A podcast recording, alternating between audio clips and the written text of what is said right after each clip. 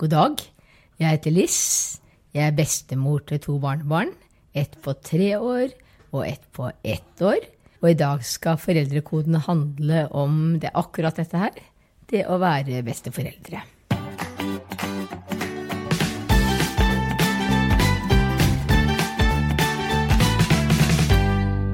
Hei og hjertelig velkommen til en ny episode, og takk til bestemor Liss Skanke for utsøkt intro. Hedvig Montgomery sitter her klar for å guide oss gjennom en ny problemstilling. Bare først, før jeg glemmer det, til eventuelt nye lyttere, jeg minner om at du kan abonnere på podkasten vår, Foreldrekoden altså, i din podkastspiller, som f.eks. iTunes eller Spotify. Og hver mandag får du inn en ny episode i feeden din. Så vi skal altså snakke om besteforeldre i dag, og deres relasjon til barna og barnebarna.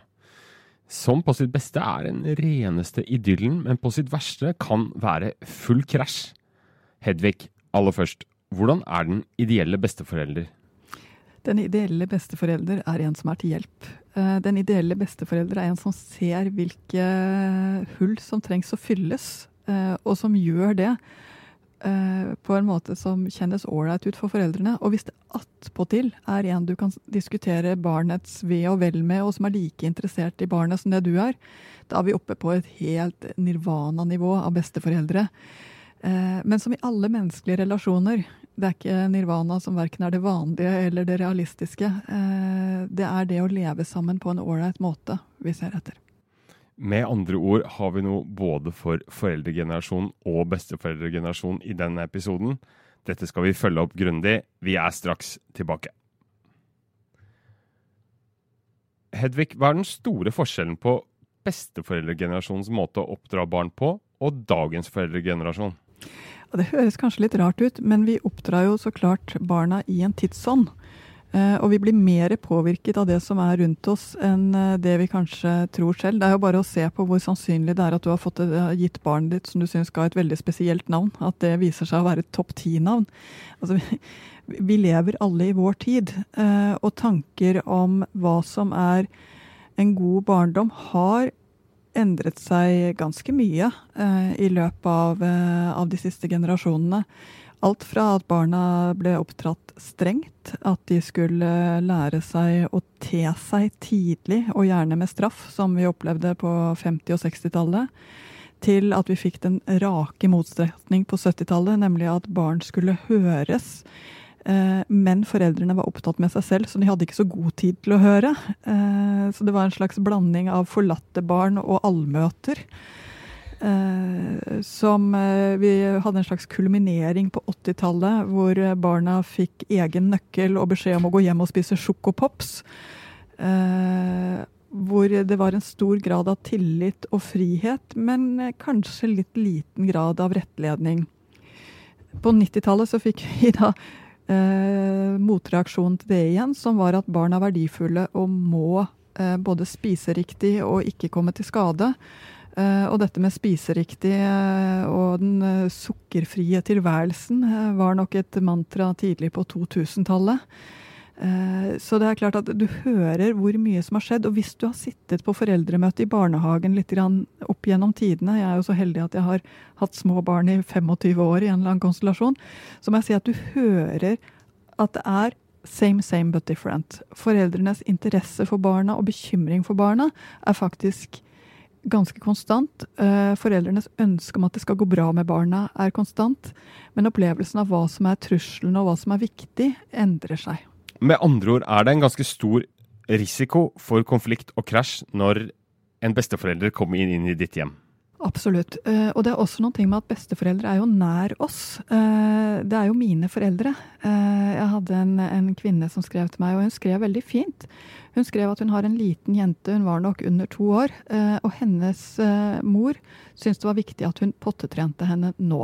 Eh, og så hadde hun da, både i barnehagen og i det de sier på helsestasjonen, og det hun hadde lest, så var ikke det noe å stresse med akkurat nå, mens mor sto veldig hardt på seg, og det samme gjorde hennes svigermor. Så hun følte seg helt alene mot disse to veldig godt voksne kvinnene eh, som var opptatt av pottetrening her og nå. Så hun spurte meg hva skal jeg si til dem. Og da så skrev jeg at eh, Jeg tror nok at du kan si helt enkle ting. Uh, som at bleiene er mye bedre nå enn det de var før. Uh, og det gjør at bleietrening, bleieavvenning, faktisk er litt annerledes nå enn før. Fordi barna kjenner ikke på samme måte når de tisser som det de gjorde før. Det andre du skal snakke med dem om, det er at vi gjør det annerledes rett og slett fordi vi nå vet at det å slutte når barna er modne for det, gjør det mye lettere. Det blir mindre uhell, det går, eh, blir mindre mas, det blir mindre vask. Eh, så det å vente til barnet er to og et halvt, tre år, rett og slett bare gjør det til en bedre prosess for alle. Både voksne og barn. Det vet vi nå. Eh, og så kom det svar fra henne litt senere at åh, det var så godt å kunne si noen ting. Og dette, dette tror jeg faktisk de skjønte. Eh, for det er et eller annet med at på en måte så virker det av og til på som besteforeldre som det er kritikk av den måten de har gjort det på. Eh, at foreldre i dag ikke gjør det på akkurat samme måte. Men det kan være grunner der som eh, er verdt å høre på. Ja, og hvis man vet hva man skal si, så er det greit nok. Men ofte kan det jo kjennes litt sånn trykkokeraktig ut når det stadig kommer påpekninger om at det trenger ikke være store ting, men sånne små hint her og der at, som indikerer at nå gjør du vel noe som ikke er helt eh, riktig her. Ja, Det er ikke noe rart. Altså, når du kommer hjem fra fødeklinikken, så er du jo hormonelt helt eh, på ditt aller skjøreste. Det er mange år til å bli like skjør igjen. Uh, så en, et lite blikk eller en liten kommentar går veldig, veldig rett inn. så her tror jeg nok jeg mitt beste råd til besteforeldre er virkelig trø så varsomt de første ukene når eh, mor og barn kommer hjem. Trø så forsiktig rundt denne nye, lille familien. Det handler ikke i denne perioden om å gjøre deg lykkelig som bestemor eller å vise hvor flink du er. Det handler om å få dem til å føle seg bra med den nye babyen. Eh, og senere så ser jeg at det ofte er slik at det kommer frem kanskje det litt komplekse som ligger i at jeg er voksent barn til deg, eh, kommer frem når de kritiserer barna. Den opplevelsen av at det der kjente jeg at du gjorde mot meg mot barna, jeg syns ikke det var ålreit da. Altså Det kommer opp sånne uforløste historier. Og de er ikke nødvendigvis noe lettere å snakke om 20 år etterpå. Hva gjør man når besteforeldre begynner å altså gå litt mer aktivt inn? Ikke bare komme med sånne små kommentarer, men liksom eh, oppdra og irettesette barn som ikke er i tråd med liksom gjeldende hva skal man si, filosofi, da, eller den måten du ønsker å oppdra barna på. Kanskje gir de straff hvis ikke barna spiser opp maten sin, eller at de er eh, mye mer slepphendte og liberal. Altså, hva, hva, hva, skal man gjøre da? Ja, Eh, jeg tror nok veldig mange kommer borti denne situasjonen. Eh, selv med min førstefødte så husker jeg at han satt gråtende eh, og fikk kjeft av mine foreldre, som syntes det var så ille at han ikke spiste potet. Fordi at det å ikke spise potet når man spiser et måltid, det er for dem uttrykk for jeg vet ikke, nesten litt sånn lettsindighet. Du velger det som er godt, og så spiser du ikke potet. Så de ble veldig provosert av dette, og altfor sinte på ham. Eh, og det er klart at jeg er i mammaen hans. Jeg må jo helt ærlig si at jeg, da må jeg si at vet du hva, han liker ikke potet, og dere skal ikke kjefte på ham når han ikke spiser potet. Hvis dere syns dette er vanskelig, server ris istedenfor. Uh, det spiser han. Uh, så her tror jeg du må finne en måte hvor du beskytter din relasjon til barnet. Uh, hvis du merker at dette går langt utover det du vil. Men når det er sagt, tror jeg også vi skal være klar over at barn plukker fort opp at ting er annerledes i ett hjem enn i et annet hjem. De plukker fort opp at jeg får mer is der, eller jeg får, eh, må spise mer av grønnsakene der. Og så gjør de det. Eh, det betyr ikke at dere, dere trenger ikke å gjøre det helt likt, men det du skal passe på, er jo nettopp at barnet ikke opplever at besteforeldrene gjør ting som får dem til å føle seg dårlige, som skyver dem unna, som gjør at du ikke får den kontakten mellom besteforeldre og barn som barna har godt av. For dette er også en relasjon som barn virkelig Altså det der å få en eldre generasjon inn. Eh, jeg har selv vokst opp mye med min eh, mormor, som var et fantastisk menneske inn i mitt liv. Eh, den respekten jeg har fått for eldre mennesker, for hva de har med seg, for andre måter å gjøre det på. Jeg har alltid syntes at det er en av de fine tingene jeg har med meg i livet mitt, er min egen relasjon til min mormor. Så denne relasjonen kan være så fin, og av og til så kan besteforeldre rett og slett miste litt av syne den relasjonen de holder på å bygge, fordi de har lyst til å gjøre ting ja, på en måte riktig, da. Og så blir det helt feil. Eh, så jeg tror at det å se om du klarer å snakke med eh, farmor eller mormor om eh, Du, jeg vet at, at du blir sur av det der, men jeg tror kanskje bare dere skal hoppe over det problemet. For hovedregelen er at besteforeldre skal lage god relasjon til barna, men ikke oppdra dem. Det er det du som forelder som skal gjøre. Men helt ærlig, hvor lett er egentlig dette å etterleve? Jeg mener, besteforeldre har levd et liv. De sitter på erfaring og livskunnskap, og da vet man jo et og annet om grenser, om farer og trusler, og om trekk fra vinduer, og viktigheten av uteleka og spise opp maten sin. Hvor lett er det å bite det i seg? Mamma, en gang så, så likte jeg sukkererter. Ja, det er fantastisk hyggelig. Altså, Alle sier at det er livets dessert, og jeg opplever nok litt det, altså. I en eh, leilighet på Majorstua bor Liss Skanke på 70 år. Hun er lykkelig bestemor til Ester på tre år og Gustav på et halvt år. Og denne dagen har hun besøk av både dem og datteren Hanna. Og så sa du at du ville ha litt melk, Ester. Altså, jeg var en sånn Jeg tilhørte den 68-grupperingen innenfor min uh, generasjon. Og jeg var nok uh, hva skal vi si, for noe mye mer liberal enn det de fleste var, for å være helt ærlig. Og der skjer jo en veldig stor forskjell nå. Derfor måtte Liss gjennom en slags voksenopplæring da hun skulle bli bestemor. Ja, Hanna og Damien er mer miljøbevisst, f.eks. enn det jeg var. Uh, og det betyr at de har veldig klare oppfatninger når det gjelder selvfølgelig transportmidler, når det gjelder mat, uh, når det gjelder fortrinnsvis økologiske varer, når det gjelder hygieneforurensning. Og da tror jeg at det var noe som tok litt tid for meg å venne meg til i børjan. Særlig det at de var strengere på alt dette som har med miljø å gjøre. Jeg skal ikke si at det gnaget, men det var nok litt som jeg tenkte på. Jeg opplevde at de var jeg, jeg opplevde nok av og til som kritikk av meg. Og det var jo helt meningsløst. Det var ikke sånn det var ment. Det var bare det at de hadde ønsker om hvordan ting skulle være. Eh, Vi er mer bekymret som personer enn det moren min er. Hun har null angst i noen situasjoner. F.eks. mener vi at hun ikke kan forlate Esti på loftet for å løpe ned i leiligheten og hente noe. Så det er vel at hun øh, tenker at Ester er, øh, og kanskje barn generelt, er mer øh, forutsigbare og mer eh, rasjonelle enn det vi tenker. Mens vi tenker at Esti hører på det vi sier, men hun er en treåring med en treårings impulser. Men eh, det som jeg tenker som hun klarer, som er kjempeviktig, det at hun klarer å ha en relasjon til mine barn som er en selvstendig relasjon, hvor hun har sine grenser og sine ideer og sine egne ting som hun tolererer, samtidig som hun respekterer de tingene som er aller viktigst for oss. Og det var fjerde gang du fikk det her, at du likte sukkererter. Og det er jo ganske gode skussmål. Så da gjenstår det bare å spørre hva blir Liss sitt råd til andre besteforeldre der ute? Ja, Det er jo det basert på tre års erfaring, da, som er nokså lite i forhold til veldig, veldig mange.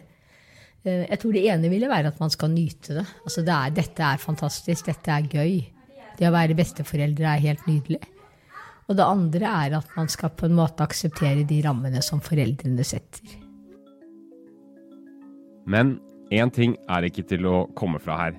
Hanna og barna er i blodslinja til Liss. Nå er det på tide å ta opp det som virkelig kan gnage. Vi må snakke om S-ordet. Svigers.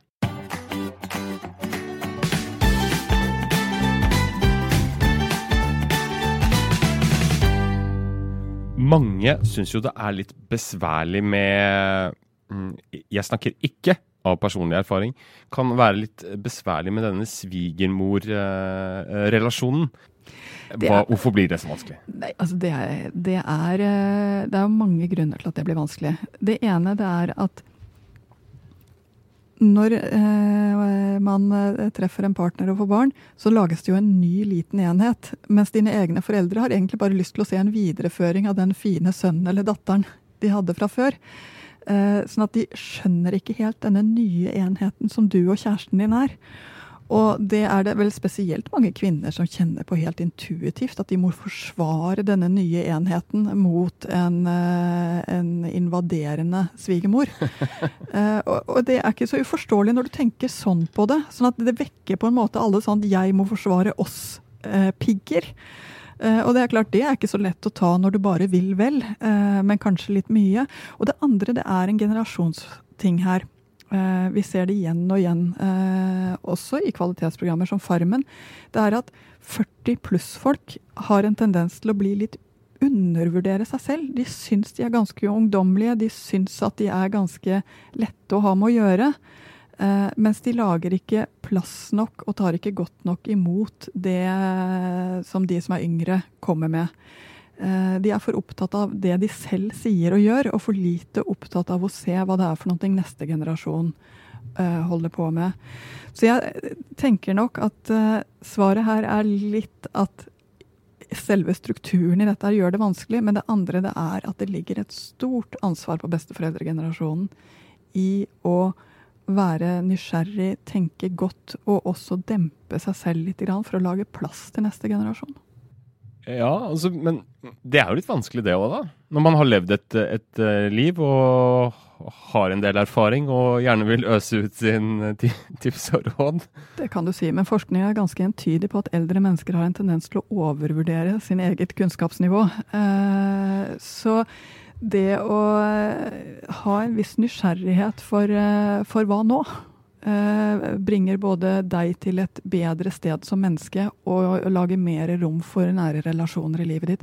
For det er jo det som er så fint her.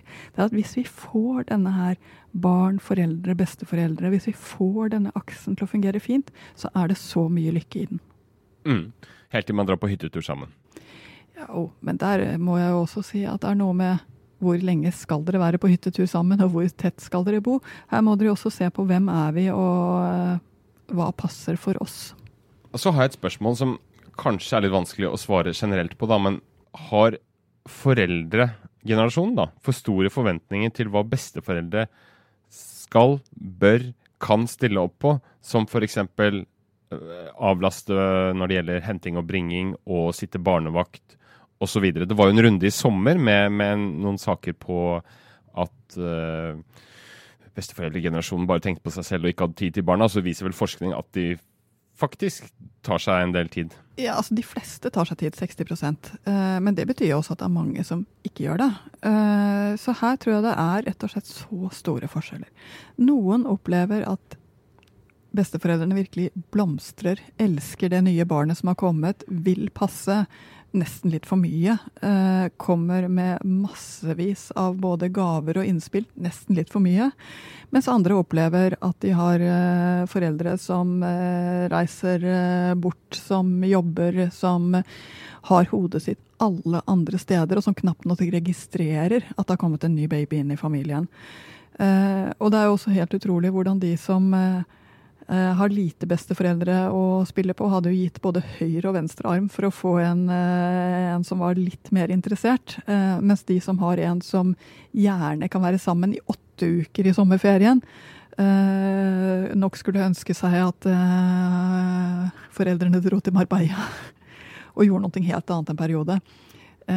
så jeg, tror ofte også det er lett å ha litt fantasier om hvordan alle andre har det. Eh, og det er også et sånt sterkt press på at når du går gravid, så skal du komme så nær din egen mor. Vel, det kommer vel an på hva slags relasjon du har til din egen mor.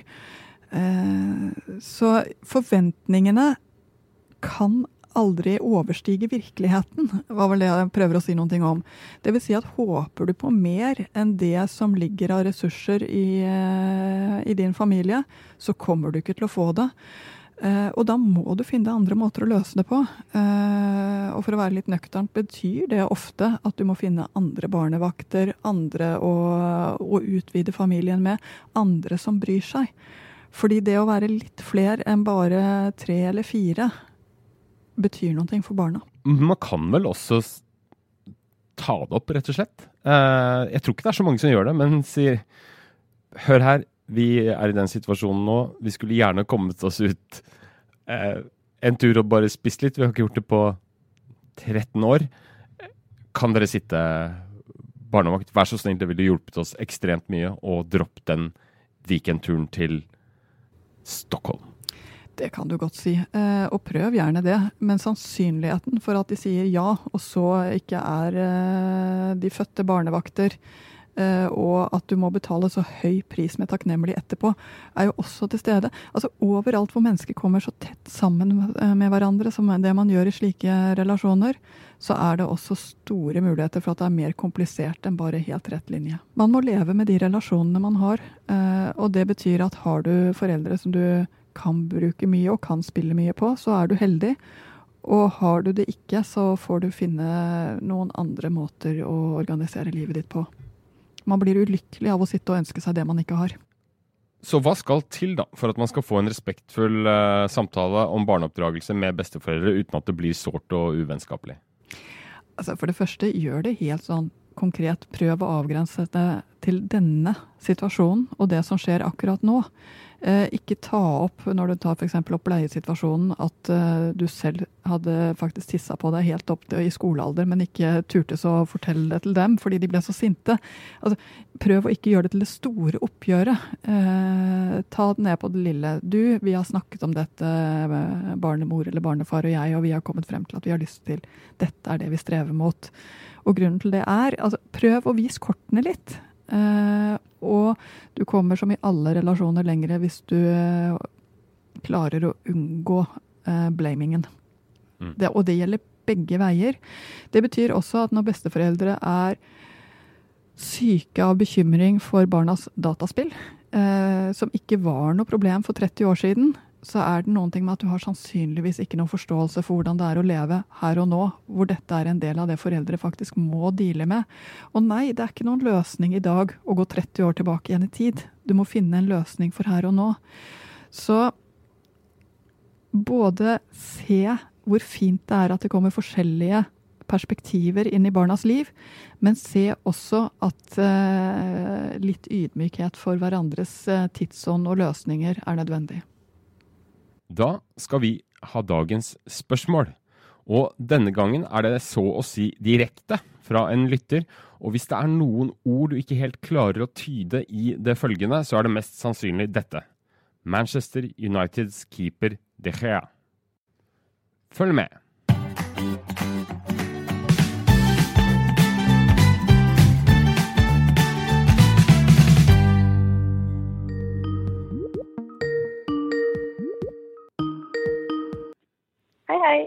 Hallo, Henriette. Ja? Hei. Du ble, du ble litt forvirra etter en episode vi hadde, hadde, om hvorfor det er feil å si flink. Og Kan du fortelle litt hva, hva du tenker? Ja, det kan jeg. Eh, gutten vår Alexander på fire år han eh, drømmer om å bli som kinesisk keeper Digea. Han, eh, han er sjøl funnet ut av det, og han øver nesten hver dag både inne og ute. og Mange, mange redninger. Men etter å ha hørt den episoden om ros, så ble jeg kanskje litt forvirra og litt i tvil om hvordan en kan oppmuntre og rose en sånn aktivitet uten at du går i tomt skrytfeller og sier så flink du er og får en god redning. Og... Så han sier til meg sjøl 'Se, mamma, var ikke det en god redning?' Så det er egentlig bare det jeg lurer på. Hva Hedvig, hva sier man? Altså For det første, eh, det å si 'se', 'se meg' er noe av det første barn begynner med i, på alle språk og alle kulturer. Så det er klart at det å føle seg sett, det er det han ber om. Han vil at du skal dele den begeistringen der når han får til å, å redde. Uh, og her kan du si akkurat hva du vil. Ja, supert. Ja, kjempefin redning. Når du mener det, for øvrig. Uh, så bare vær med ham i at dette er gøy å få til, og at han får det til. Og i denne alderen her så er det det å være sammen om aktiviteten er det han ber deg om. Han ber deg ikke egentlig om en vurdering, eh, og han har ikke noe spesielt forhold til at han sammenligner seg heller ikke noe spesielt med, med andre småttiser. Han bare har lyst til å være som sin store helt. Eh, og det å være med ham i den barnslige begeistringen der og få lov til å føle seg som sin superhelt, det kan du bare være. Men hva hvis uh, Henriette har en liten slip of a tongue og sier flink? Det er ikke noe, er ikke noe fare på ferde? Nei, ingen fare på ferde. Her er det bare å kjøre på. Men unngå å si flink når du ikke har fulgt med og faktisk ikke sett hva som skjedde. Da må du si åh, vis meg en gang til, for nå fulgte jeg ikke med. Uh, heller enn å bare gå på autopilot. Fikk du noe, var det, var det noe, fikk noe ut av det svaret, Henriette? Ja, det var kjempefint. Tusen takk. Så for så vidt jeg forstår deg, Hedvig, så er det vel tomt skryt, eller innholdsløst skryt, man skal unngå, er det ikke det? Innholdsløs skryt skal du unngå, og du skal også unngå hele tiden vurdere. eh, Være med på at allting handler om å være flink, ikke flink. Men å si ja, det var enda bedre enn i stad, det er f.eks. en fin ting, for da blir det noe å strekke seg etter. Eh, Det er den der rene flink, uflink som to At det bare finnes de to kategoriene som gjør at barn gir opp og ikke tør å prøve. Bra. Nei, men da vet du hva du skal si da, når eh, neste gang eh, sønnen din eh, tar en redning på proffnivå. Ja, det skal jeg gjøre, vet du. Ok, kjempefint. Takk skal du ha. Takk skal du ha. Ja, ha det. Ha det.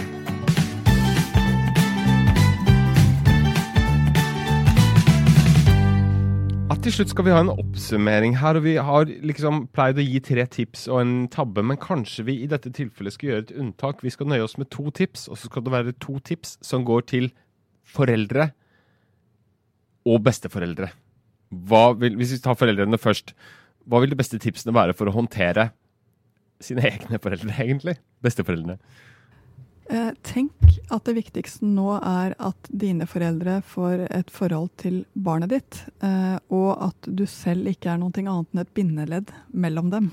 Eh, Så prøv å slippe litt dine egne issues, fordi barn har godt av besteforeldre. Ja, Har du et tips til, eller? Ja, og det er at barn tåler nok bedre at ikke reglene er helt like alle steder de ferdes, enn det du kanskje tenker deg. Så å, å slappe litt av på kontrolldelen av deg gjør det lettere. Ja, Så det er helt greit at uh, sønnen din kommer hjem fra bestemor med Nonstop i begge munnviker. Sannsynligvis. Hvis du skal gi to tips til uh, besteforeldrene, hva vil det være da?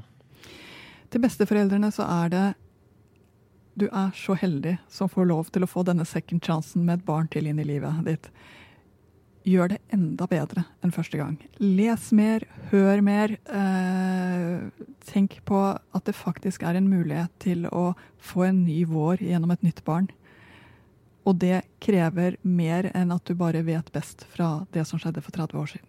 Det tipset var så bra at jeg tror ikke vi trenger et nummer to. Men er det en absolutt eh, ting man bør unngå i denne sammenheng? En tabbe.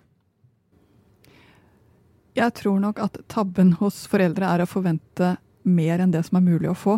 Eh, Det gjør oss i alle livets situasjoner ganske ulykkelige. Og tabben hos besteforeldre er at de blir for strenge. De skal gjøre opp for det de oppfatter som slepphendthet hos foreldrene. eh, Og det går sjelden bra. Det var viktige budskap på tampen til to generasjoner, det. Og da tror jeg jeg har en sånn anbefaling på tampen. Tips andre, da vel, og som ikke nødvendigvis er podkastlyttere, til å høre på denne episoden. F.eks. besteforeldre. Eh, da håper jeg at du eh, fikk noe du kan bruke i hverdagen. Det gjorde du helt garantert. Vi høres igjen om en uke. Ha det bra.